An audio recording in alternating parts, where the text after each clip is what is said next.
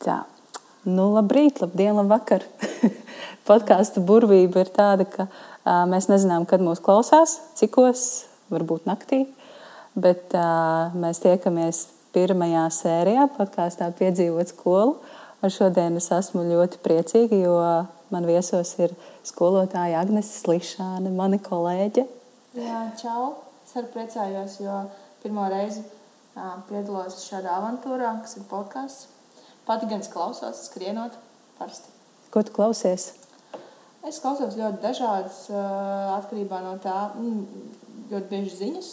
Um, tad kaut kāds pētījums, kas man liekas pašai interesanti. Viens no pēdējiem ir tāds, kas klausos par to, kā tiek atklāti krimināli noziegumi.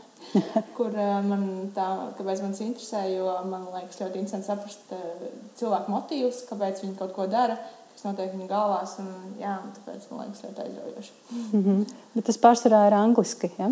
Jā, lielākoties, ka gan arī lat latviešu valodā ir labi podkāsti. Uh, vairāk gan es ziņas tieši klausos uh, latviešu valodā, mm -hmm. lai būtu informēta par to, kas notiek Latvijā. Jā, uh, podkāsts ir par skolu, par skolotājiem, par to, kā ir būt skolotājam mūsdienās. un, uh, Ko tu vari pateikt par skolu, skolu un skolotājiem mūsdienās? Kā tu jūties kā skolotāja, jauna skolotāja? Jā, es jūtos ļoti privileģēta. Jo man liekas, ka būt skolotājam tā ir tāda luksus prece. Tas nav kaut kas tāds, ko visi var atļauties un kas visam, visiem ir par spēkam. Gluži tāpat kā jebkura cita profesija. Bet skolotājs prasa īpašas prasmes un, un sagatavotību emocionāla sagatavotība. Un, um, es tiešām jūtos privileģēta, ka es varu ar to tikt galā vismaz šobrīd un izbaudīt arī tās visas priecīgās puses, kas nāk līdz skolotāja amatam. Um, būt skolotājiem mūsdienās uh, ir būt ļoti mainīgam un ļoti daudz strādāt pašam ar sevi. Mm. Es uh, pavisam nesen tieši izlasīju viedokli, ka par skolotāju var iemācīties kļūt. Tam piekrīti? Es domāju, ka var iemācīties kļūt uh, gan par jebko, ko tu vēlēsies, eh, līdz zināmam robežai, un mainās tas, cik liel, liels pūlis tajā jāiegulda. Eh, par to, ka to var iemācīties, es ticu, ka jā. Tāpat tās kā matemātika, ko gan daudz saka, ka to nevar iemācīties, un ka tas ir talants, es tam pilnībā nepiekrītu. Eh, bet jautājums ir, cik dziļi tu vari to izdarīt, cik augstā līmenī to tu vari izdarīt, un cik liels pūlis tev ir jāpieliek, lai tu sasniegtu šo līmeni. Un, nu, jā, tas ir mans viedoklis. Jā. Mm. Kā tu pati esi nokļuvusi skolā? Vai tas bija tavs bērnības sapnis? kurš, kurš bērnībā sapņo, sapņo kļūt par skolotāju? Ir taču īstenībā daudz tādu. Mēs jau tur spēlējām skolu pagalmā un mācījām bērniem, mazākiem bērniem kaut ko savas gudrības. Jā, tā ir taisnība. Man liekas, ka apzināti, es nezinu, vai es apzināti, kad uh, domāju, ka es kļūšu skolotāju. Uh, bet kaut kādas tendences manī noteikti bija jau no bērnības, jo, kā jau tu minēji, es eh, arī saliku lēlas eh, uz gultas un mācīju, mācīju tām dažādas prasmes un zināšanas, bioloģiju. Un to es lielākoties darīju, lai pati iemācītos. Un, um, tā bija mana taktika pamatskolā, ka mācot citiem, es mācījos pati. Tas tiešām bija tas, kā es to uztvēru, jo man bija grūti skolā uztvert informāciju. Uh, um, tās metodas man nederēja, un es uh, apzināti meklēju, kā es to varu izdarīt, lai man uh, iet labi. Un man arī ļoti labi veicās skolā, bet es tajā ieguldīju pūles, meklējot metodas, kā es varu apgūt vielu. Viena no tām bija mācīt citus. Un, un skolas laikā, un arī augstskolā, es ļoti bieži palīdzēju pārējiem. Uh, bet es tajā laikā nedomāju, ka mm, es būšu skolotāja. Tas bija vairāk tā, ka mācot citiem, es sajūtu sevī kaut kādas spējas. Uh, atbildēt uz jautājumiem, ko es nevarētu vienkārši klausoties vai vienkārši lasot. Tas mm. man nepalīdzēja. Tu šo metodi izmanto arī šobrīd, kad māci? Uh, es, es saprotu, tas, ka, varbūt, kas, kā man palīdz man iepriekšējā pieredze, nu, mana, manas pašas pieredze, ir tā, ka es mēģinu iedot pēc iespējas vairāk veidus, kā skolēns var iemācīties, uh, lai viņš izvēlētos to veidu, kurš viņam šķiet vispiemērotākais. Protams, ka manuprāt, labāk ir kombinēt dažādas lietas, uh, gan lasīt, gan, gan stāstīt, gan, gan rakstīt. Bet, manuprāt, tas paliks labāk atmiņā. Eh, jā, es izmantoju šobrīd arī skolā to, ka ir uh, ir kaut kādi temati, bet varbūt pat ne temati, bet ir kaut kādi, kaut kādi specifiski jautājumi, uh, kurus es, par kuriem es pati esmu ar sevi diskusijā, un tad runājot un, un jautājot gan skolēniem, gan kolēģiem, es nonāku pie atbildes. Kā savā ziņā es pati vēl mācos, uh, jo manuprāt, tas ir vislabākais veids, um, ka tu nevis, nu, ka tu nevis esi pārliecināts, ka tev ir viena taisnība un ka šī taisnība ir absolūta uh, uz mūžiem, bet ka tu apšaubi šo vienu taisnību un, ja tev kāds pasaka, vai tā tiešām ir, ka tu meklē tomēr katru reizi jaunus pierādījumus vai, vai, vai kādus ļoti labus jau esošus pierādījumus tam, ka tiešām tas tā ir. Bet tu māci matemātiku? Nē. Vairs nē? Vairs nē. Uh, kas ir labi, manuprāt, kas ir labi, jo tajā laikā, kad man bija jāmāca matemātika, uh, es, man, man nācās ieguldīt milzīgas pūles, lai es spētu saprast, kā to izdarīt visefektīvāk. Uh, un matemātika nebija tā, ko es mācījos no pedago pedagoģijā. Nu, metodikas mācījos, bet es uh, līdz galam nekad neesmu sapratusi, kā iemācīt matemātiku, lai skolēnam tas paliktu ilgtermiņā, kā ilgtermiņa zināšanās. Un es pati sapratu matemātiku, vai spēju iemācīt. Uh, manuprāt, ka līdz galam es nesasniedzu šo stāvokli, kad saprotu, kā to izdarīt. Un tas man prasīja milzīgas pūles, un arī sevis šausmīšanu, un nemitīgas pārdomas, vai es to daru pareizi, vai, vai, vai skolēni no tā iegūst vislabāko. Līdz ar to nē, es šobrīd nemācu, um, nav tādas vajadzības, un es ļoti priecājos, ka manas skolēnas māca uh, šajā jomā nu, profesionāli. Mm -hmm. Ko tu pati māci? Pastāsti. Es par mācu, savām stiprajām pusēm. jā, es mācu ekonomiku, uh, mācu komercdarbību, mārketingu, menedžmentu, viss, kas, vis, kas ir zem komercdarbības. Vadu komerces klasi un arī karjeras, karjeras konsultēšanu, karjeras pasākumus un, un šādas lietas skolā, mm -hmm. kur es jūtos nu, spēcīga. Varbūt uh, es zinu, ka man ļoti, ļoti daudz tajā vēl ir jāmācās, un es arī to daru nemitīgi. Jo jebkurš priekšmets ir tāds, kurā tu nevari um, gulēt uz lauriem. Tev nemitīgi jāmācās, jo šī pasaule visu laiku mainās, un tev visu laiku ir jāsako līdzi, kas notiek, un, un, un jāapgūst jaunas, jaunas zināšanas konkrētajā jomā. Kā, jā. hmm. Pirms es uh, braucu ar tevi satikties, uh, es plānoju par to, uh, par to, par ko mēs varētu runāt. Un uh, man bija kladītāja pieraksts, kodē pierakstīts, ka mēs ar Agnes runāsim par izaugsmi skolā. Man liekas, ka tu nu pat ļoti labi izstāstīji par savu izaugsmi, kā tu sāki uh, mācīt matemātiku. Tad pamazām saprati, ka tas īsti nav tavs, un tu atradīji to savu nišu un vietu, kurā tu vari uh, pati augt un palīdzēt uh, izaugt arī skolēniem. Kā ir ar šo? Vai kā ir redzēt, ka skolēni no tādiem uh, zinātnāriem, bet mazliet, nu, kā lai pasaka, tā pieklājīgi tādiem, kas, kas, kuriem acis skrien uz visām pusēm, jā, es gribu savu biznesu, kā viņi izaug no tā naivuma līdz reālai lietai. Kā tas notiek, kā tu to redzi, pastāsti par savu pieredzi. Mm. Um, es pati esmu naiva, manuprāt, jo es ļoti ticu lietā, es ticu cilvēkiem, es ticu labajam, es ticu tam, ka jebkurš var sasniegt augstus mērķus. Un man patīk arī skolēni tam tic. Protams, šeit ir par, nu, jautājums par to, vai cik viņi ir realistiski tajā konkrētajā posmā, kurā viņi ir iedomājušies to realizēt. Uh, respektīvi, ja viņi ir iedomājušies, ka viņi uh, uzbūvēs miljardu vērtu biznesu divu gadu laikā, tad, uh, tad mēs pārunājam par to, cik tas ir reāli. Jo tomēr ir jābūt realistiskam laika nogrieznim. Es ticu, ka viņi var kļūt par miljardu uzņēmumu īpašniekiem nezinu, 20, 10 gadu laikā, atkarībā no idejas. Bet divu gadu laikā mēs pārnājām, nu, ka varbūt nedaudz nolaižam šo latiņu, nedaudz, bet paturam to ilgtermiņu mērķi. Un uh, par to, mm, kā viņus ielikt varbūt tādā mm, kaut kādā rāmī, vai pat ne rāmī, bet, uh, bet tajā, ka viņi saredz konkrētu uh, mērķi, ir tieši runāt par to, ko viņi grib sasniegt kāpēc viņi to grib sasniegt. Un, un pamazām uzstādīt šos uzdevumus, lai nonāktu līdz šim miljardu vērtiem uzņēmumam. Vai labāk tomēr uzstādām šim vienam gadam mērķi, ka mēs izdarām to, piemēram, nonākam līdz prototipam, otrajā gadā, ka mums iegūstam pārdošanas pieredzi, ka mēs iespējams noslēdzam kādu izdevīgu līgumu ar kādu uzņēmumu, kas var palīdzēt šo produktu attīstīt. Un, un uzstādām šos mērķus, kas ir realistiski un pēc kuriem, kurus sasniedzot, pirmkārt, mums ir pierādījumi tam, ka mēs esam to sasnieguši. Otrkārt, mums ir šī labā sajūta par to, ka mēs to esam izdarījuši, kaut kāds darbs, kas ir paveikts un tad virzamies tālāk. Un eh, iedot kaut kādu konkrētu struktūru. Un, eh, lai gan es uzskatu, ka, eh, un, un kas man patīk šajos priekšmetos, tas, ka šis radošums un kreativitāte ir ļoti um, tādā stiprā miedarbībā arī ar disciplinētību un ar spēju sevi savākt, uh, spēju pārkāpt pāri, negribu, nevaru, nespēju.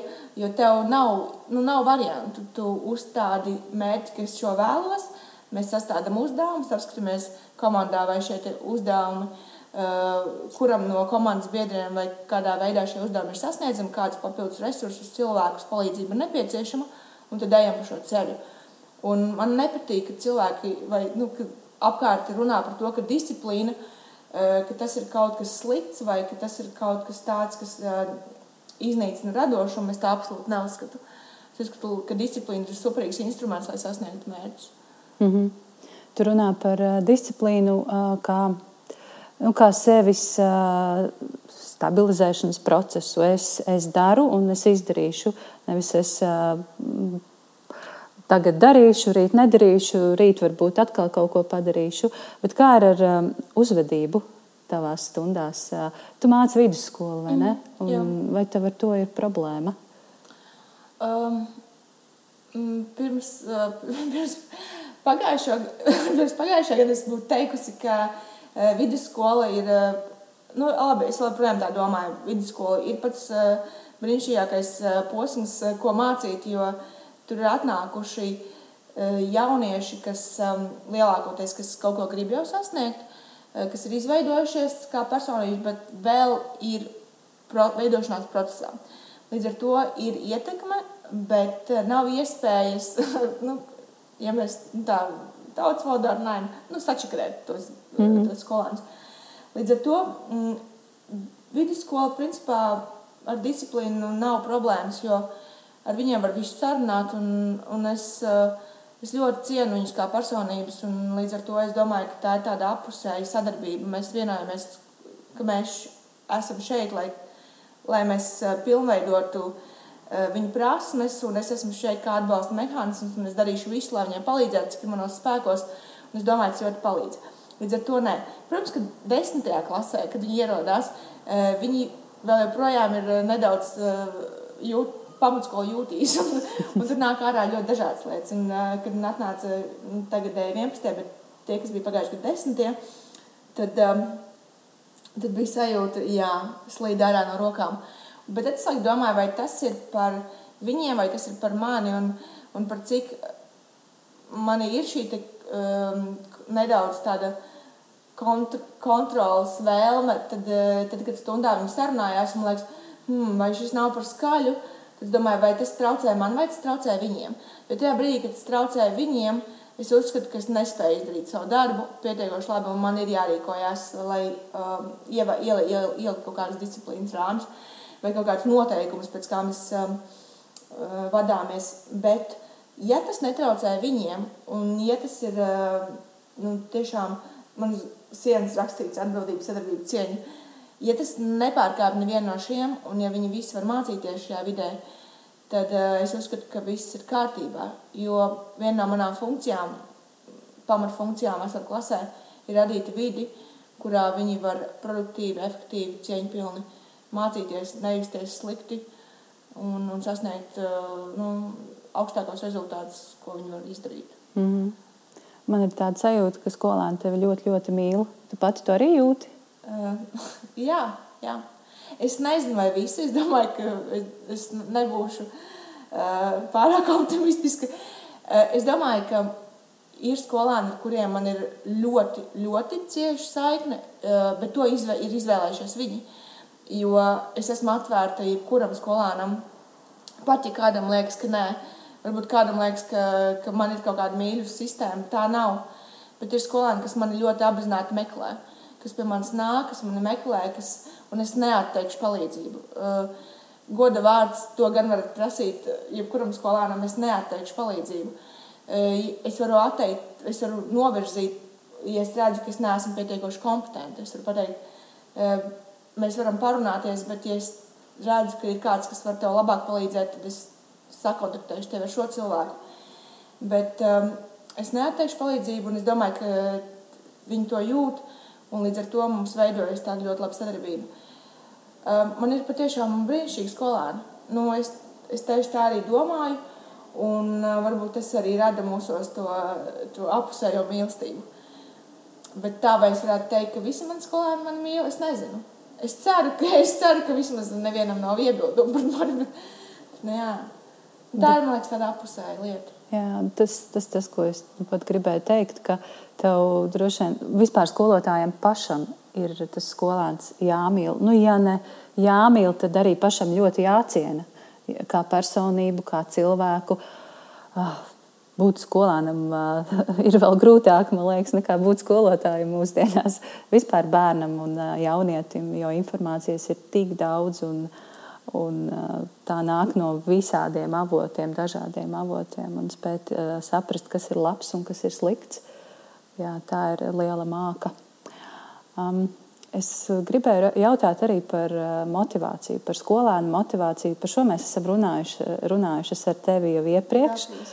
Jā, uh, bet vai tu esi vēl kaut ko par to domājusi? kā skolēniem, skolēni sevi motivē. Jo, manuprāt, tā ir diezgan liela problēma mūsdienās. Mm. Ka vismaz šādā attīstītā valstī, kad uh, visu var dabūt, viss ir. Un šķiet, ka nu, pat jau nav vērts mācīties, jo visu var apgūt YouTube vai pie kāda cita speciālista, ejot strādājot. Kā, kā viņus nu, nosēdināt tajā skolas solā. Kaut gan to arī droši vien neesmu no tām skolotājām, kas liek sēdēt solā. Un, un kā viņus motivēt, kā pateikt, nu, tev ir jāpaklausās, ko es stāstu. Tev ir jāpaklausās, ko stāsta tavs so, sola biedrs, un tev ir jāmācās. Gala beigās ir kaut kāds vērtējums jā, jāgūst. Kā ir ar šo jautājumu? Jā, šis ir interesants, ka pieminēja tā vērtēšana, jo Jo, jo tā ir lieta, ar ko uh, man ir bijušas vislielākais izaicinājums. Es esmu pati sevī uh, to atklājis, ka izlikt vērtējumu, kādu novērtēt, uh, man ir milzīgs izaicinājums. Ir, bet to mums varbūt arī varam citreiz, bet tas man ir par kritērijiem, kas man ārkārtīgi atvieglojuši dzīvi, uh, tādiem ļoti skaidriem un ļoti, kurus pat redzu katram kritērijam jēgu, katram darbam jēgu, un tad, tad, tad pēc tā novērtēt, jo jā, novērtēt kādu, manuprāt, ir ļoti tāds, es vienmēr abrīnoju radošo priekšmetu skolotājus, vizuālā mākslu, mūziku. Man liekas, kā tu vari novērtēt, vai šis darbs ir labs. Protams, ka viņš ir labs, kāpēc lai viņš nebūtu labs, bet, eh, bet, nu tā, bet par to motivāciju, jā, nu, mm, tā man liekas lieta, par ko var runāt ne tikai eh, skolānu kontekstā, bet vispār eh, cilvēku kontekstā mūsdienās, cik daudz no mums cīnās ar to, ka kaut ko darīt, kāpēc man to darīt, kāda jēga, ka, ka, kas vispār ir uh, turpinājums tam, ko es darīšu, un, un tam līdzīgi. Un ar skolēniem ļoti līdzīgi. Varbūt uh, tieši tas, ka es spēju izprast to katru skolēnu viņa situāciju, vai varbūt ne katru skolēnu, bet šīs dažādas sagrupēt kaut kā. Uh, to, kā cilvēkam vispār rodas motivācija, vai tā ir iekšējā motivācija, vai tā ir motivācija izdzīvot, motivācija uh, iegūt budžeta vietu, motivācija, um, apgūt prasmes, motivācija nopelnīt un tam līdzīgi motivācija pierādīt sev vienaudžiem, pierādīt sev vecākiem, pierādīt pašam sev, ka tu kaut ko, kaut ko esi spējīgs. Man liekas, tās tās lielas grupas, un, un es cenšos, uh, domājot par uzdevumiem un domājot par saturu un par, par to, kā to saturu pārnest uz skolēniem, es cenšos izdomāt, um, nu, mērķus vai to pamatojumu šim darbam, lai tas nedaudz, kaut nedaudz aizskartu katru no skolēnu e, nu, vēlmi, kāpēc viņš to varētu gribēt darīt. Bet tas nav vienkārši, un es uzskatu, ka nevienmēr tiem uzdevumiem tajā brīdī skolēniem būs jēga. Un es arī to esmu teikusi. E, dažkārt viņi nezina, kas viņam ir vajadzīgs. Un tikai procesā viņi saprot, ka tas ir viņiem bijis vērtīgi. Un man ir vienmēr licies, ka nevis vienmēr licies, bet tas kaut kā manā galvā ir tā, ka jo grūtāks ir process, jo izaicinošāks ir process, jo vairāk mēs iemācāmies. Tas man ir palīdzējis tikt pašai pāri kaut kādām dzīvē smagām situācijām un smagai pieredzei, kuras domāju, ok, šis ir ļoti slikti. Šis šobrīd ir ļoti slikti, bet ko es no tā varu paņemt, kāpēc tas man notiek? Un pēc tam es saprotu, ka pēc tam es saprotu, ka tas man ir iemācījis ļoti būtiskas lietas. Un, un tāpēc arī ar skolēniem runājot par motivāciju, es cenšos viņiem stāstīt, kā tas, ko mēs darām, viņiem kaut kad kaut kur varētu palīdzēt.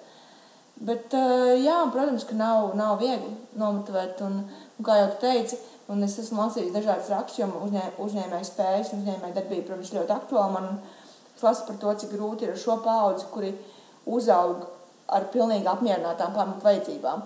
Un agrāk uzņēmēja darbība ļoti bieži, ne, ne visa, bet lielākais procents radās no tā, ka cilvēks gribēja vienkārši izdzīvot. Viņam vajadzēja naudu, lai izdzīvotu. Un tā ir pilnīgi cita motivācija. Tev nav par to, ka tu jau esi pārējis, tu esi izgulējies, tu esi drošībā mājās pie vecākiem, tev ir internets, tev ir telefons. Pašam nu, tev patiesībā strādāt. Tad viss taču ir ļoti labi. Nu, tā pa lielam. Kāpēc tev būtu jāpiepūlās? Mm, tad, tad agrāk, protams, tas bija vienkāršāk risinājums. Tu zināji, ka tev nāksies uzturēt savu ģimeni. Pabarot, pabarot bērnus vai, vai vispār apmaksāt tur, nezinu, kojas, kur dzīvot augstskolā. Un tu gāji tajos vakaros un strādāji. Ne jau tāpēc, ka tev gribējās tikt uz pozitīvas festivālu. Jo, nu, ja netiks, nu, kas palielam to dzīvē mainīsies. Nu, līdz ar to es arī izjūtu, ka ir tās grupas skolēni, kuri nāk no varbūt sociāli nelabvēlīgākām vidēm. Viņi ir um, savāktāki. Mm, viņiem ir lielāka motivācija izrauties. Eh, tāpat sportistiem.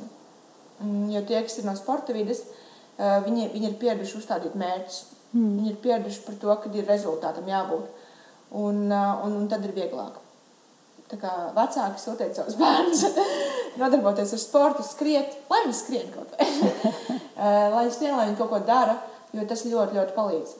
Arī, mm. mūzi, arī citu, mūzika, nu, arī dēlošana, mūzika, viss, ko mēs darām, kas prasa kaut kādu savākšanos, tas palīdz arī pēc tam skolā. Mm. Noteikti. Un, uh, ko tu dari brīžos, kad skolotāji, skolēni prasa? Skolotājs šis būs uz atzīmi, vai tavās stundās tas vairs nenotiek? Um, jā, nu, tā notika ļoti bieži um, pirmajos gados. Es nezināju, jo tas, nu, kā, man liekas, tas nedaudz uzvalka skolotāji. Nu, tā, Tagad to darīs tikai tāpēc, ka tas ir atzīme. uh, bet uh, ir, ir nedaudz mainījies uh, mans uzskats par to šo gadu laikā. Un, uh, es uzskatu, ka vērtējums ir, um, ja tu esi ieguldījis darbu, tev ir jāsaņem par to vērtējums. Tāpēc, es arī viņiem to komunicēju, tu esi ieguldījis darbu, laiku, enerģiju, spēku, tu esi kaut ko radījis. Man tev ir jānovērtē, man tev ir jāpasaka paldies. Tas ir pirmais, kā es uzskatu, kas ir vērtējums. Un otrais ir eh, kāds skaits punkts. Uh, ja, lai tu saprastu, kurā vietā tu atrodies, pirmkārt, tev ir jāsaprot, uh, kas ir tavs iepriekšējais nu, punkts, kas ir tavs kā, starta punkts, uh, kā tu esi audzis un ko tu vari darīt, lai augtu vēl. Un tāpēc man liekas, šis vērtējums kā atzīme vai kā procents ir būtisks. Citādi tas ir ļoti grūti izmērāms process, un mēs visi tiecamies kļūt labāki. Tad atzīme ir viens no veidiem, kā mēs varam novērtēt savu izaugsmu. Protams, ka ir dažādi darbi un ir, darbi, ir kaut kādi temati arī skolā, kas nav savstarpēji saistīti, bet ir prasmes, kas ir savstarpēji saistītas un kas ir caurvīgi, kas ir cauri vis, visām, visiem tematiem. Līdz ar to, manuprāt, vērtējums pat ir ļoti labs rīks, kā palīdzēt skolāniem augt un attīstīties. Um, Viņi, ļo, viņi vairs nejautā, jo es ļoti proaktīvi šo iekļauju savā stundu darbā. Es arī pastāstu, par ko būs un kāpēc būs. Un līdz ar to es varbūt apēju to brīdi, kad eh, viņš man jautās eh, konkrēti, vai man par šo būs vērtējums. Um, ja viņi tā pajautā, tad es saku, jā, protams, ka būs. Tu, tu taču strādā, nu vai tad, ja tu ej uz darbu un izdari darbu, tu nesaņem algu? nu tā, Ši, šis ir Es uzskatu, ka skola ir veids, um, kā viņu sagatavot darba tirgumu. Un uh, darba tirgu viņi iegūst uh, algu par to, kādu intelektuālo īpašumu viņi ir ieguldījuši procesā vai kādu fizisko, fizisko apjomu darbu viņi ir ieguldījuši. Un, um, līdzīgi ar skolu, tikai skolas laikā, paldies Dievam, viņiem vēl ir iespēja uh, visu laiku sevi papildināt tā, lai aizietu uz darba tirgu, uh, viņiem būtu pēc iespējas vairāk ko dot. Viņi principā uzkrāja sevī resursu, ko pēc tam izmantot, lai vairāk uh, nopelnītu. Mm. Un, ja viņi to tā uztvers, manuprāt, viņi vairāk gribēs mācīties. Jo, ja tu vairāk mācīsies tagad, tad iespējams vairāk nopelnīsi. Un, protams, ka mums ir izņēmumi, un, un, un, un vienmēr būs kāds, kas teiks, nē, bet skolā jau uh, skolā neiemāca to, kas ir vajadzīgs darba tirgu. Neiemāca. ja tu spēj atskatīt, protams, ka iemāca. Mm. Jā, tā ir, tā ir laba lieta, ko tu stāsti. Um, tas, ko es tev vēl vēlos pajautāt par komercdarbību un ekonomiku, uh, Šobrīd mēs runājam par mēs valstī lielie izglītības speciālisti stāsta, ka mēs pamazām pārējām uz jauno izglītības modeli, kas paredz, ka priekšmeti tiek sapludināti kopā. Kā tu redzi to, ka ekonomiku, komercdarbību sapludina kopā ar citiem priekšmetiem. Vai to var iepludināt vēsturē iekšā, vai to var iepludināt uh, latviešu valodā iekšā, mm. vai to var mā sākt mācīt arī kaut kādā veidā sākuma skolā, mm. pastāstīt savas idejas.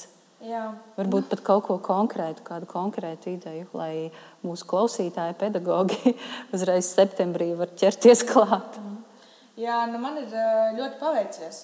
Tādā ziņā, jo man, mani priekšmeti ir tādi, kuri ir principā tikai un vienīgi saistīti ar visu apkārtējo. Un, um, līdz ar to tā laikam ir arī ar katru priekšmetu. Bet, um, nu, piemēram, um, dom, domājot par komercdarbību, tad, uh, ja mēs paņemam tādu ļoti triviālu piemēru par biznesa plānu, tad, uh, lai uzrakstītu biznesa plānu, tev ir jābūt labām latviešu valodas zināšanām. Uh, tev ir jābūt kaut kādām specifiskām priekšmetu vai profesionālām zināšanām, lai izstrādātu, piemēram, lietas metālīšus, uzšūtu, tad tā ir mājturība, izdomāt, kāds tas būs audums, tā ir ķīmija, uztaisīt par krāsām, tā varētu būt vizuālā māksla, tad tas varētu saukt un saukt. Un tad šajā vienā mazā projektiņā, kas ir biznesa plāns, sapludinās ļoti daudz zināšanu. Starp latviešu valodīgā komunikācijā, un ļoti tā būtu, ja mēs domājam par eksporta tirgu, Krievija tā būtu, ja mēs domājam arī par sadarbības partneriem un tam līdzīgi. Un, um, mēs, es arī šādi strādāju ar skolāniem. Uh, mums ir sadarbība arī ar uh, profesionālajām skolām, un skolāniem ir biznesa nakts arī ar Ogres, uh, Ogres tehnikumu un um, ar uh, Rīgas skolām, Rīgas dizaina mākslas vidusskolu, kur uh, ir kaut kādas konkrētu jomu speciālisti, kuru viņi paši vēl šobrīd nav, nav profesionāli. Līdz ar to viņu, viņiem ir nepieciešama ekspertīze no cilvēkiem, kas tajā jomā ir spēcīgi. Uh, un, uh, un mēs, es arī mēģinu savā skolā uh, šo sadarbības formu izvērst. Uh, protams, ka man ir uh, sadarbība ar grāmatvedības skolotāju un ar komerctiesību skolotāju, bet arī ar latviešu valodas skolotāju ļoti pretimnākoši. Un, um, par šo vispār integrēto pieeju domājot, eh, tas prasa vairāk laiku, lai to izdarītu, noteikti plānošanā. Tas prasa daudz lielāku laika resursu, bet ilgtermiņā tas atnes, um, tā, tā, tas ir efektīvāk. Jo mēs ieguldam tātad, piemēram, augustā laiku, lai saplānotu šo visu, um, bet gala rezultātā um, tā pievienotā vērtība ir arī lielāka procesā un, un mēs iegūstam lielāku gandarījumu par to, kas ir paveikts. Un, manuprāt, skolēni ierauga daudz lielāku pievienoto vērtību. Uh, ko skolotāji varētu darīt? Um, es domāju, vienkārši jautāt viens otram, kas ir tie saskarsmes punkti. Uh, jo visos priekšmetos uh, temati kaut kādā veidā savienojās. Nu, piemēram, ekonomikā. Ekonomika ir tāds savienojums ar geogrāfiju, vēsturi, matemātika, socio, nu, sociālās zinības.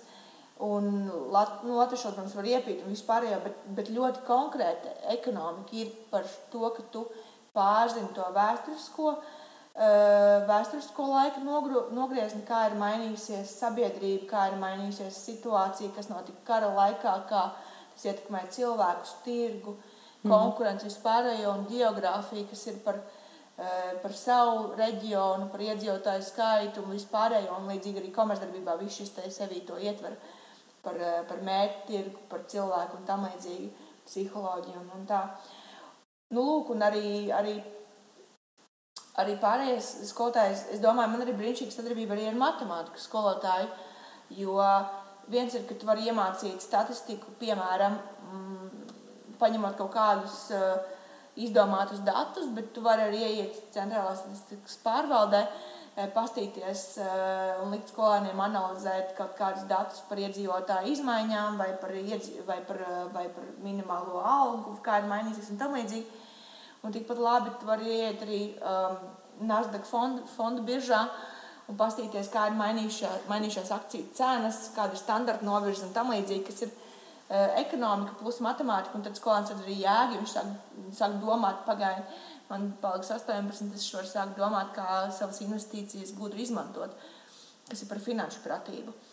Līdz ar to tās visas lietas savā starpā ir saistītas, bet tas ne, nu, Tas organiski tā vienkārši nenotiks, ja mēs tikai par to domāsim. Ir jāsāk arī kaut kas darīt, un tā ir tas, tas plānošanas posms. Līdz ar to es ļoti atbalstu šo visu, bet es uzskatu arī, ka skolotājs ir cilvēks, un kuram ir ierobežots laiks un neierobežots vajadzības, ekonomiski. Līdz ar to vajadzētu kaut kā domāt arī par to, lai, lai, lai atbalstītu to plānošanas posmu, kas ir, ka mēs ne tikai Eh, skolotāji tās ko, konkrētās tās eh, kontakta stundas, kad mēs pavadām ar skolāniem, ir viens, bet, lai sagatavotu vienu stundu, ir nepieciešams laiks, um, kad to izdarīt. Tāpēc skolas vadībā ir milzīgs spēks uh, un ir jāieplāno, ka skolotājs nevis 8 stundas dienā bada stundas, un pēc tam uh, vēl konsultācijas un pulciņus, un vēl kaut ko dara, lai sasniegtu, lai iegūtu savu pietiekošu atalgojumu. Pēc tam aiziet mājās, kur ir vīrs un bērni, un, un tev pienākumi turpinās. Pēc kaut kādiem laiks saplānot, un, un pēc tam nezinu, aiziet mājās un aiziet paskriet vai iet uz kori vai, eh, vai sarīties ar draugiem vai aiziet uz teātri, izrādīt uz operu un, un augt arī kā personībai. Jo visi tie, kas stāv klases priekšā vai ir kopā ar skolēniem klases vidē, viņi ir piemērs. Un skolēni redzot šo piemēru arī paši vēlas kļūt labāki. Mm. Nu, skolotājs nedrīkst dzīvot skolas skapī un uh, kopā ar mēģinājumu vai rāņu kopotiem rakstiem. Tad, tur, nu, tas, uh, tas neiedvesmo. Tas vienkārši skolēni redz uh, nu, tikai atblāzmu no, no tā, kam, kādam vajadzētu būt skolotājiem. Jā. Man liekas, šajā brīdī ir svarīgi piebilst, ka mēs nerunājam oficiālo izglītības ministrijas viedokli. Šis nav arī mūsu skolas darba vietas oficiālais viedoklis. Podkāsts, vispār podkāstu formāts, es esmu dzirdējusi labu apzīmējumu. Tas ir virtuves sarunas.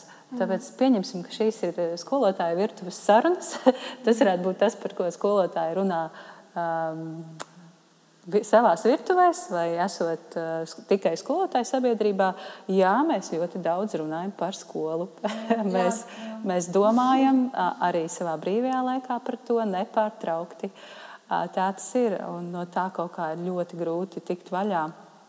Jo kur ir divi skolotāji, tur uzreiz ir skola, kā tev iet, ko tu jūti, kā, kā tu dari to. Un tas, un tas ir tas, kas ir vajadzīgs. Jo tās, tas, ko tu stāstīji, ka skolotājiem ir savā starpā jārunā, nu, to nevar izdarīt viens skolotājs. Viens skolotājs tagad neizdomās, kā, kā tur integrēt uh, vienu priekšmetu ar otru, kā ekonomiku ar vēsturi sapludināt. Tas tur ir vajadzīga komanda, tur vajag to otru, vismaz otru, vēl trešo pedagogu, un tad tas sanāk ar jēgu viss.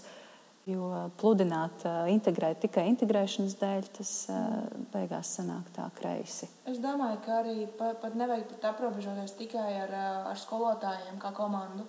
Un šis varbūt ir mans, mans lauciņš, kurā es jūtos ļoti ērti, ir pavērst to skatu arī ārpus skolas. Mēs vairs neesam sūnu ciemā, kur tikai ir skola un, un kultūras nams un, un bārs. Ja? Bet, bet ir tik daudz vēl brīnišķīgas lietas, ko izmantot. Un, šajā ziņā domāju par uzņēmējdarbību, bet arī jebkurš cits priekšmets to var izmantot. Ir, ir sadarbība ar uzņēmējiem, sadarbība ar profesiju, konkrēto profesiju ekspertiem, kas var iedot savu pienesumu un kas var ieteikt, kā viņu Eh, viņu vide un darbs un profesionālās iemaņas var tikt izmantots arī, lai palīdzētu skolēniem. Un tādā ziņā mēs ejam ārpus skolas eh, un mēģinam mm, to, to mācīšanās vidi iznest arī ārpus skolas. Un kāpēc man šķiet tas būtiski ir, lai skolēni saprastu, ka um, mācīšanās neaprobežojas ar skolu. Tu mācies jebkur, kur tu atrodies. Tāpēc tā vide nu, nevar būt tā, ka tu pavadi 7, 8 stundas skolā un izēja no skolas un mācīšanās beidzās. Un, viss, un tad pabeidz 12 gadus, un, un varbūt pabeidz augstskolu, un visu mācīšanās beidzās. Nu, tā taču nenotiek pareizi. Tā mācīšanās ir absolūti visu laiku. Līdz ar to mainot tās vides un parādot, ka skola nav vienīgā vieta, e, kur tas notiek, manuprāt, pavars viņiem kaut kāda e, plašāka skatu uz to, cik vērtīgi ir saskatīt visu šo mācīšanās pieredzi un paņemt to un pēc tam pārnest uz skolu Un es redzu savus skolēnus, ka viņi to dara. Viņi apgūst kaut kādas prasmes ārpus skolas. Piemēram, man ir brīnišķīgs meitenes, kas arī darbojas ar mēdījiem. Un, un pēc tam atnāk uz skolu un novada man, man stundu par to. Uh, audzināšanu stundu par mērķu uzstādīšanu, ko viņi ir apgūsti kaut kur citur, kaut kādā citā, citā pieredzē. Un viņi ar to dalās. Un šī dalīšanās uh, un sadarbība, ko viņi var novērot starp skolotājiem, starp, un skolotājiem un kaut kādiem jomu profesionāļiem un citiem cilvēkiem vai, vai vecākiem, piemēram, uh, to viņi paši pēc tam eh, projicē uz sevi savā grupu darbā. Un viņi mācās, viņi skatās un mācās. Un, un tad viņi saprot, ka viņi viens otram ir resurss. Ka vienam padodas labāk šis, otram padodas labāk tas, cits ir ieinteresēts un profesionāls šajā jomā, nu, vai ne profesionāls, bet nu, kļūst par, par tādu. Un tad viņi spēj eh, šo sadarbību nevis kā konkurenci uztvert, bet viņi, viņi to saredz kā, kā resursu viens otrā. Mm -hmm. un, un tāpēc man liekas, eh, būtiski runāt par šo sadarbības formātu, kas ir miedarbība. Ka grupu darbs nav tas, ka mēs četri sēžam pie viena galda un katrs dara savu darbu. Vai viens, eh, viens dara, trīs, divi palīdz, un ceturtais spaida telefonu. Sapratu par to telefonu runājot, ja mēs par tādām virtuves sarunām. Tad uh, es, esmu, es esmu pati um, savos stereotipos sapinusies un, un iekritusi, jo uh, protams, ka visur tika agrāk, ir īpaši labās tas, ka telefons tikai gadījumā nē, un ja skolēns tur rokās telefonu, tad visdrīzāk jau viņš spēlē spēlītas, un tā arī ļoti bieži ir. Bet ir bijis stundas, kad nu, es viņiem uzdodu uzdevumu, un um, es viņiem saku, izmantojiet jebkādus resursus, uh, jebkādus resursus, un tie var būt arī interneta resursi, grāmatu resursi, mēģina arī maksimāli dažādot šos resursus iedot linkus, iedot grāmatas, iedot iztrukātus materiālus, un tad mēģināt izmantot maksimāli e, to e, efektīvi. Un tad sēžot skolēns, un visu laiku viņš ir tie telefonā, man nu bāc. Un es arī, protams, saku viņam, nu, nu tā, tev tad ir jāpild uzdevums, nevis jāsēž telefonā un jāatšķiro draugiem snapchatā. Un viņš man pagriež to telefonu, un tajā telefonā viņš raksta piezīmes nu, šiem uzdevumam. Aha. Un es tā, mm, Un ir jāprot atvainoties. Un es, protams, atvainojos tam skolēnam. Es saku, jā. Bet, bet tajā brīdī man liekas, vārds.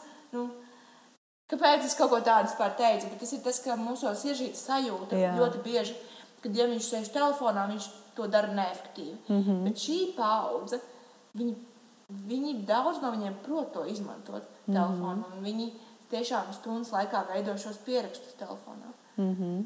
Un tad ir tas jautājums, vai, vai tu notici tam?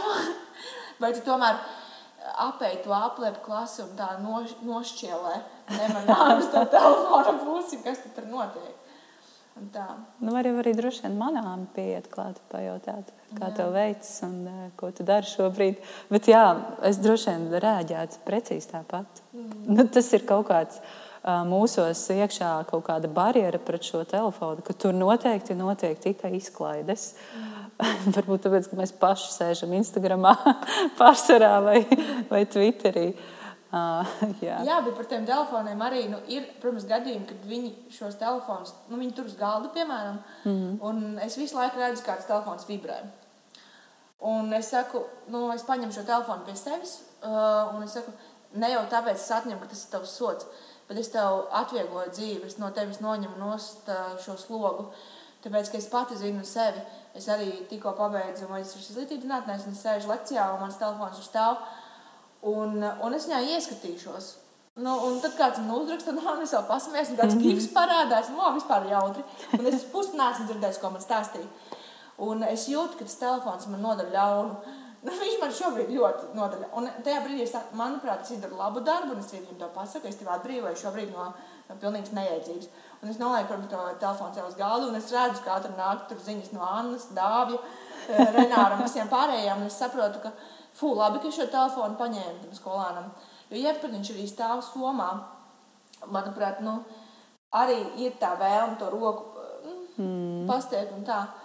Bet jā, nu, skolānam būtu jāsaprot. Uh, ka nevienmēr, ka skolotāji principā nekad nevēl ļaunu viņiem paņemot kaut ko nost vai kaut kā viņu aizsēdinot projām. Mm. Jo šie apstākļi, kas viņam ir apkārt, ļoti bieži ir traucējuši, un viņš pats nespēja pieņemt to lēmumu uh, nu, no tiem atbrīvoties. Un tas ir tas pats, ka tev sēž blakus labākais draugs, kurš vakardien satikās ar savu draugu vai ar savu sirdspuķīti, un viņam tagad ir ļoti labs stāsts, ko izstāstīt. Un, un tas nevar pagaidīt līdz tam brīdim. Un tad pagaidi, ja es tevi no viņa izšķiršu, tad tev nebūs izvēles. Tad tā stunda ļoti produktīvi paies, un tam brīdī varēsiet runāt par visu, kas ir vēlas.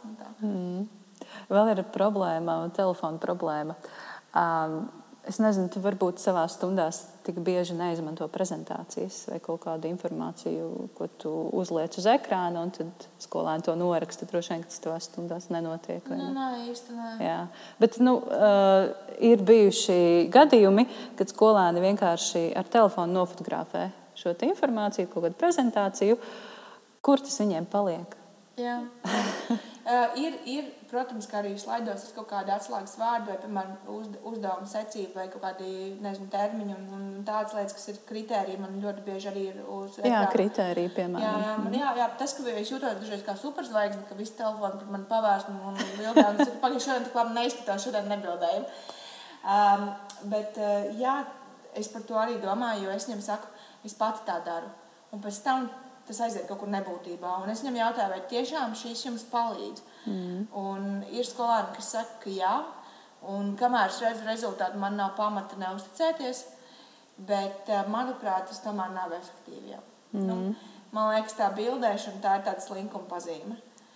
Jā, nu, es tagad sabildēšu, un es mājās lasīšu. Nu. Kā tad? ja sen esi aizmirsis, kas tur bija sabildēts, un jā, kad tu vispār esi bildējis. Ja tev ir 500 bildes pa virsmu, kur tu ar draugiem atrodies kādā pasākumā, un līdz ar to. Mm. Es, es īsti nezinu, es arī neesmu savu uh, definējis, vai tas ir labi vai nē, un kā kuram droši vien jau ir skolēni, kas ir saka man, ka tas viņiem strādā, viņiem vērtējumi ir ļoti labi un zināšanas ir mm. labā līmenī, un es pieļauju, ka tas viņiem iespējams arī strādā. Nu, viņi iespējams ir izveidojuši sev kaut kādu sistēmu, kā viņi šīs bildes pēc tam sev saglabā un atceras. Bet lielai daļai es pieņemu, ka tas jā, tā arī paliek kaut kur mapītē starp, kā tu teici, 500 ballītes bildēm. Es esmu domājis, varbūt lūgt skolēniem atsūtīt man vakarā e-pastu ar to, ko viņi ir sabildējuši. Tad viņiem saglabāsies tas vismaz nosūtītajos e-pastos. Vai Kaut kā tā, vai būtu viņa atcerēsies, sūtot un rakstot. Es šodien jūsu stundā nobildēju kritērijas uzdevumam numur ah, trīs. Jā, un tur bija rakstīts par to un to, un pielikumā es pievienoju tādā veidā. Viņi mācās arī pieklājīgu komunikāciju e-pastos. un, un viņi atskaitās jeb reflektē par to, ko viņi ir darījuši. Jā, par šo runājot, man es tā iedomājos, reiz, ka pateicu par tiem e-pastiem, tas tā iedomājos Jā, un tagad man pūkstens vienos naktī pienāks uh, 80 e-pasti ar to, ko viņi ir izdarījuši. Lab, var, labākajā gadījumā viņi katrs būs uzrakstījuši, sliktākajā gadījumā viņi būs viens otram padalījušies un pārsūtījušies e-pastus.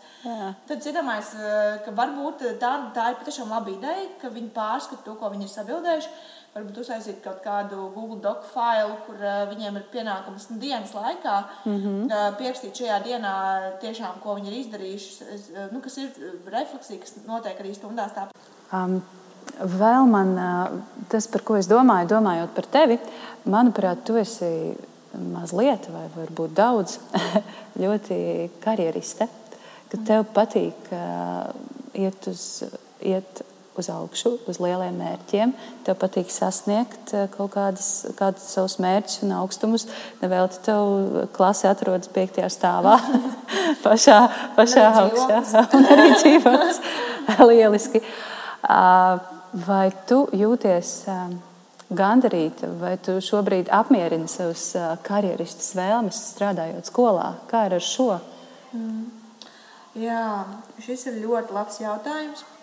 Sāpīgs. Uh, ne tikai, uh, jo tev ir taisnība. Un es domāju, nu, ja mēs tā tiešām virtuvē sēdētu, kā es atbildētu, ka uh, zem katra tāda liela karjeras droši vien slēpjas ļoti liela nedrošība par sevi un par savām spējām. Un, uh, ja visi pārējie tevi redz mm, lielu potenciālu arī, arī skolas laikā un visu laiku teica, nu, un te vērtē pēc tam atzīmēm, tad iekšēji jūties tā, ka tu nekad neesi pietiekoši. Tu vari vēl, un, tev, un tu zini, ka no tevis sagaida, un visi, visi ir pārliecināti, ka tu būsi budžetā, ka tu būsi pirmais, tev būs stipendija, ka tu sasniegsi milzīgus mērķus, bet tev pašam nav šīs pārliecības, tu par sevi šaubies, bet tev gribas apmierināt citu expectācijas, jo, jo ir sajūta, ka tas ir tavs pienākums. Mm. Man nokļūšana skolā bija uh, mans ceļš atpakaļ pie sevis. Lai varbūt kādam izklausīsies banāli, bet eh, tiešām tā notika. Jo brīdī, kad atgriezos no ārzemēm, un es biju pilnīgi nulles punktā atkal, bet ar visu, visu savu skaisto, it kā skaisto CV. Eh, man liekas, ka eh, tajā brīdī dzīve ir apstājusies. Un, ko tu šeit Latvijā vari īsti sasniegt? Um, es esmu es iestājos iespējamā misijā, esmu iespējamās misijas absolvente. Un, tas ceļš um, pedagoģijā ar cilvēkiem, kas kļuva par maniem dombiedriem un kas man parādīja to, kā var domāt citādāk par līderību, par būšanu, par, par jēgpilnu darbošanos un par kaut kādu tādu sevis savu uzzināšanu, nodošanu un sabiedrības pilnveidošanu. Tas man deva jēgu daudzām lietām, kurām es biju pazaudējis. To. Un šajā ceļā es iepazinu daudz ļoti nozīmīgus cilvēkus, kas, bez, kur, bez kuriem es nespēju iedomāties šobrīd savu dzīvi, kas man ir mācījuši gan profesionāli, eh, gan personīgi spējuši rast eh, atbildes uz jautājumiem. Līdz ar to mm, skolas uzskatu kā karjeras eh, pakāpienu tālākajā ceļā uz saviem mērķiem. Un izglītība noteikti vienmēr paliks centrāla manā dzīvē, um, kā, kā, kā joma, kurā es strādāšu. Un šobrīd skolā jau esmu 6. un 7. gadu. Um, un es um, nedomāju pamest skolu, bet tas formāts, kurā es darbojos skolā, viņš nemitīgi ir mainījies. Uh, es, mani pienākumi ir auguši, manas kompetences ir augušas, un man, mana vīzija par to, kā es redzu izglītības sistēmu, ir mainījusies. Um, bet manas vērtības ir saglabājušās. Līdz ar to es domāju, ka es ceru, ka es vēl daudz varēšu izdarīt, un es izdarīšu daudz, un mana karjera nu, ies uz priekšu un attīstīsies, jo manas ambīcijas, protams, ir nu, augstas. Man tā gribas domāt. Tā tad ne tikai citi no tevis kaut ko gaida, bet tu no sevis pat arī daudz gaidi. Jā, bet man patīk apzināties to, ka tajā brīdī, kad es no sevis to sagaidu, tad, tad tas ir veselīgāk nekā tad, ja es mēģinu apmierināt uh, citu um, kā, citu ekspektācijas par sevi. Mm. Un, protams, ka man, man, man, es esmu tas, ar ko es skrienos. Ar es, vilkiem. Es, jā, ar sievieti, vilkiem. sievieti, kas skrien ar vilkiem. es, esmu, es esmu savs lielākais motivators. Jā.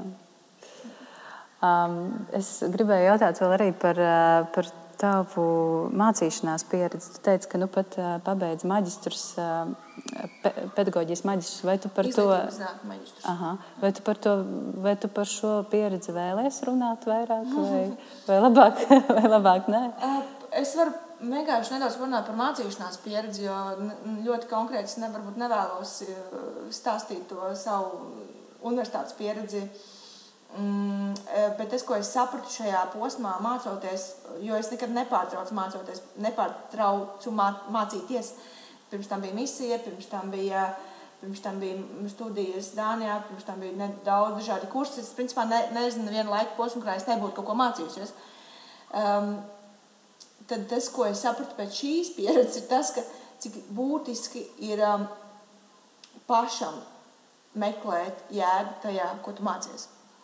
Jo, ja tu pirms tam, ja pirms tam es mācījos, tāpēc, ka tas bija papīrs, uh, labs papīrs, papīrs, ko es varu citiem parādīt, uh, un pateikt, ka es varu būt šajā jomā labi, jo man ir šis papīrs, mm. uh, tad tagad, uh, mācoties, man ļoti vien, viegli nāca vērtējumi un man ļoti viegli nāca gandarījums, jo es darīju lietas, kura, kurām es pati saredzēju pielietojumu. Un, um, tas arī pašai plānojot stundu skolāniem, es mēģināju arī mēģināju veidot stundas, kurās uh, lai skolāns saredz šo pielietojumu. Un, um, mēs paši varam visu iemācīties. Uh, jautājums ir, cik ilgā laika posmā. Un tur skola un skolotāji var palīdzēt, parādot visīsāko, efektīvāko ceļu, kurā pielietojot vismazāk resursus, tur sasniegt visaugstāko rezultātu. Un eh, tajā, tā es saredzu arī savu lomu. Vai to, ka viņi nevarētu izlasīt kādas komercdarbības formas, pastāv? Mil, miljons grāmatu, viss internets pilns, lūdzu, ņemiet, lasiet, jums interesē. Bet skolotājs var iedot to struktūru un var iedot tos veidus, kā to izdarīt vislabāk. Un, eh, tā, tāpat es saredzu savu mācīšanās pieredzi arī šajā augstskolā, kurā es, kurā es biju, ka es um, pati mācījos, bet es izmantoju um, profesoru kompetenci, lai varbūt um, ātrāk sasniegtu kaut kādus resursus vai kaut kādas zināšanas. Un tas man palīdzēja nepadoties. Jo, ja es balstītos tikai uz to, ka man, ja, ja es iemācīšos tikai to, ko man šajās lekcijās pasniedz, mm. es visdrīzāk būtu ātri padevusies. Nu, gan padošanās nav manā. Tas nav manā dienas listē. Es nemēdzu padoties. Tas arī nav. Tas arī klas, klasē tā notiek. Tu spiedīsi no tā skolāna līdz pēdējiem, līdz tu saņemsi to, ko tu gaidi, mm. vai to, ko tu zini, ka viņš var tev dot. Nu, tas ir tas arī, ko man skolā iemācīja. Mm. Apstāties. Jo tas, ka es to sagaidu, nu, vienmēr tas, ka tam skolēnam tiešām to vajag. Jautājums ir tiešām par to, um, attīstīt katru potenciālu. Es uzskatu, ka tas ir mans pienākums. Mm, bet vai tas ir par visiem līdzekļiem? Tas ir jautājums, ko es nevaru atbildēt. Bet tas, ka man ir nācies uh, sev pateikt, ka šis nav par tevi, uh, stop, šis nav par tevi, šis ir par skolēnu, nomierinies. Tu piedāvā viņa, uh, un līdz kādam zināmam brīdim viņš to pieņem vai nepieņem. Bet tev ir jāprot apstāties. Jā, tās iekšējās ambīcijas kaut kādi, kaut kādi vēlni, kas mūs dīda. Un, jā, tā, es pat gribu izmantot vārdu nosliece. Visu tvert personiski mm -hmm. skolotājiem ļoti, ļoti traucē. Mm -hmm. ļoti traucē. Ļoti. Tas ir tas, kas man pašai kā skolotājai šausmīgi traucē. Es, es vēlos no tā tikt vaļā, bet es nezinu, kā man tas izdosies. septembrī jāatgriežas skolā, un uh, tas ir viens no mērķiem. Viens no maniem mērķiem jā, likt savas personiskās sajūtas un tādas lietas nost, vairāk domāt plašāk, vairāk domāt par skolēnu sajūtām, vēlmēm. Uh, Tas skolotāja egoisms, viss, kas notiek klasē, ir par mani. Nu, Mans priekšmets ir vissvarīgākais. jā, jā, un ja, skolā, ja skolēns atnāk bēdīgs, tad vai, vai viņš ir dusmīgs, viņš ir dusmīgs uz mani. Jā, jā, ja jā. viņš no stundas iziet bēdīgs, tas ir par mani. Stunda bija garlaicīga un bēdīga. Garlaicīga, viņš žēlājās, tas bija par mani. Ja, viņam, ja viņš skrien pēc stundas uzreiz zēdnīca, tad bija šausmīgi garlaicīgi. Mm. Bet skolēnam varbūt gribas ēst, varbūt skolēnam ir dzīve ārpus skolas skolēnam. Jā, ļoti liela dzīve. jā, un, un, un tas nav tas, ko var izdarīt, un kā es mēģinu par to domāt, ir par to, ka um, man ir 40, nu labi, vai 40 reizes divi. Uh, Skolēni nevis gadi. jā, jā. Vai minūtes, nevis minūtes, gadi. minūtes ar šiem skolēniem, un šīs minūtes ir unikāls. Un, un, uh, un viss viņš aizies. Un, uh, es, un es gribu, lai šīs, te, šo te laiku, kad mēs esam kopā, mēs domājam tikai viens par otru un par šo priekšmetu. Un izslēdzam, atslēdzam un, uh, savu domāšanu no visa pārējā. Mēs nokoncentrējamies tikai uz to. Un mēs par to runājam. Uh, mums ir šis laiks, kas ir ļoti limitēts.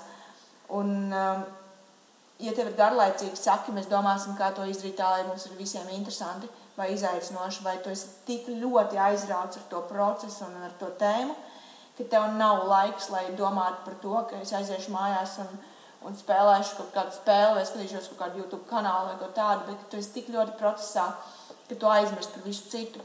Un, um, un mēs, mēs par to varam runāt. Mēs par to varam runāt, un mēs varam nonākt līdz tam procesam, līdz tam veidam, kā strādāt, lai, lai mēs tā justos.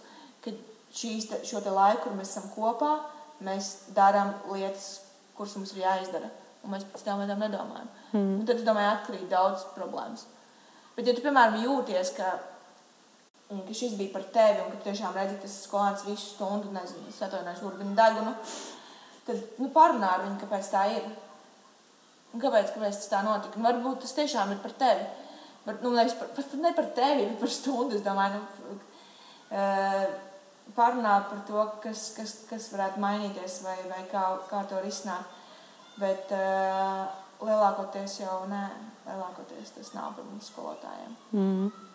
Bet vai nav tā, ka mēs mazliet uh, pa daudz uztraucamies, uh, vai tik tā stunda nav garlaicīga, vai mēs uh, mazliet pa daudz arī neizdabājam skolēnu vēlmēm, jo reizēm ir vienkārši stundas plāns. Reizēm ir kaut kāds, eh, kaut kāds jautājums, kas eh, konkrētiem skolēniem pavisam neinteresē. Bet kaut kādā veidā viņam tas ir jāiedod un jāuzzina. Vai tu vienmēr eh, ļoti rūpējies par to, lai tavas stundas ir ļoti interesantas, aizraujošas? Vai tas tev ir kā tāds rādītājs? Manuprāt, stundu var veidot tā, lai garlaicīgu tematu, bet ļoti nozīmīgu tematu pasniegtu, iedotu formātā, kas ir interesants. Un tad viņiem nepatīk ļoti šis te temats, bet iespējams, ka viņus aizrauja formāts. Respektīvi, kaut ko veidojot, kaut ko nezinu, taisot vai nu video vai, vai, vai buklets, vai kas ir radošāks process, kas varbūt varētu aizraut. Bet es piekrītu, ka ir lietas, kuras ir jāmācās un kas ir grūti piemēram, lasīt daudz tekstu un to analizēt. O, bet kād, tas, kā es tam pieeju, es mēģinu izrunāt, kāpēc mēs to darām. Uh, es esmu ir daudz tematu, kas viņiem nepatiks. Um, Es arī pasaku to, ko dažreiz viņi saka, ka šis man patīk. Es domāju, šis ir garlaicīgs temats. Viņiem viņš patīk ļoti labi. Um, bet, uh, jā, es domāju, ka skatoties arī par savu entuziasmu, daudz ko parāda. Uh, ja viņš ir, uh, jebkurš var būt garlaicīgs, ir to garlaicīgi arī pasniedz. Un, ja skolotājiem pašam tas nepatīk, bet ja skolotājs pats ir. Ja šis ir tik interesanti, nodokļi, tas ir tik interesanti. Tas, bet tas ir interesanti, tas ir tā ir tava dzīve.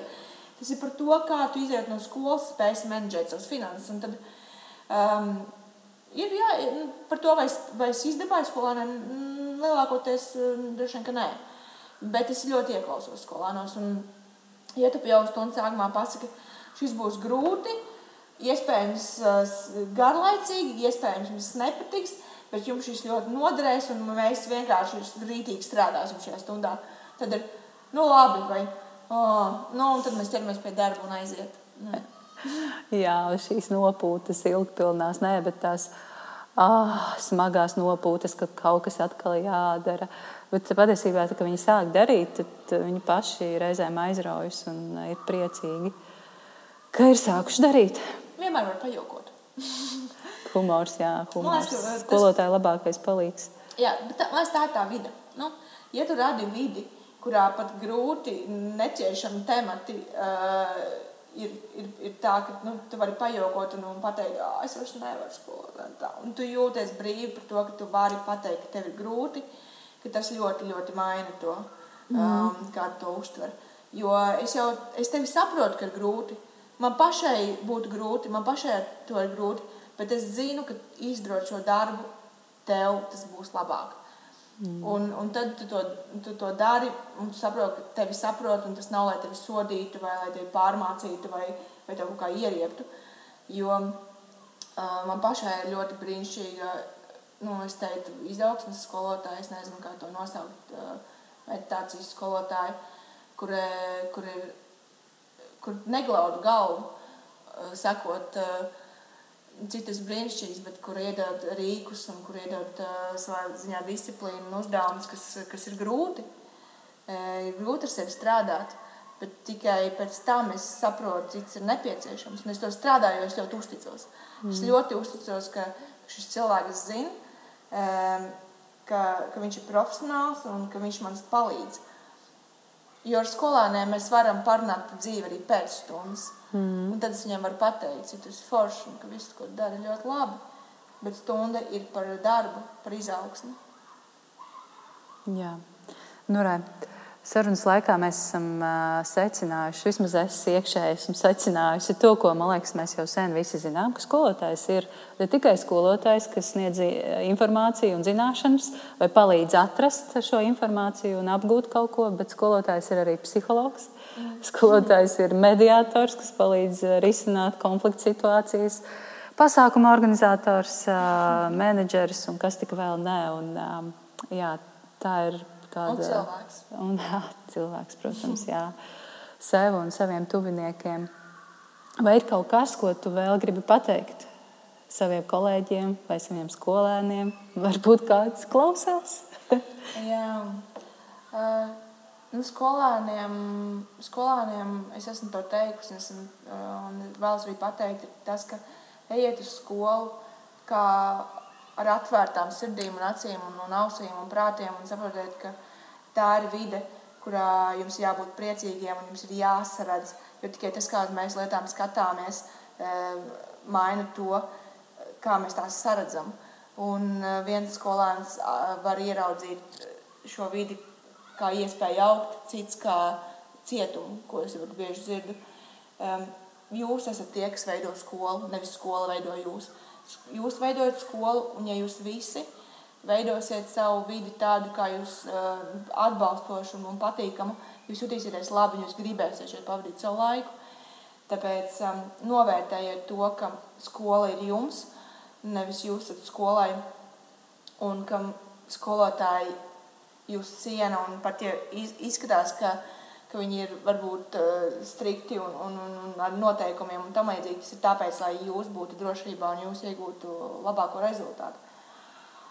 Un uh, skolotājiem es novēlētu vēl atpūsties līdz uh, atvaļinājuma beigām. Jā, jo mēs runājam jūlijā. Šobrīd ir jūlijas. jūlijas un, un, un, un, un fantastisks laiks. Skrieniet, peldiet, ejiet dabā ejiet uh, uz pasākumiem, uz koncertiem, klausieties paši, muzicējiet un, un mīliet uh, savus tuviniekus, pavadiet laiku kopā ar saviem cilvēkiem un arī vienatnē. Un, un uh, gaidiet uh, skolu, viņi pienāks, uh, viņi pienāks, bet nedomājiet par skolu pār, pārlieku daudz, jo uh, es domāju, esot skolā, tā ir tā viena no, vien no izaicinājumiem ir atslēgas spēja atslēgties no tā, no tā kas notiek. Mm. Jā, es novēlu vienkārši visiem būt ļoti priecīgiem. Nu. Un pat, ja ir bēdīgi, tad uh, izbēdājieties tā kārtīgi, lai pēc tam atkal būtu priecīgi. Nu. Ko es varu novēlēt? Tas ir tas, es pats, ko es pats sev novēlu. Lieliski. Paldies, tev, Agnes, par sarunu. Paldies, par pirmo sarunu šajā podkāstā. Un, uh, man liekas, ka mums ir vēl daudz kas runājams, un varbūt mēs tiksimies vēl kādreiz. Jā, noteikti. Jā, paldies, tev arī bija ļoti interesanti. Paldies! Tā.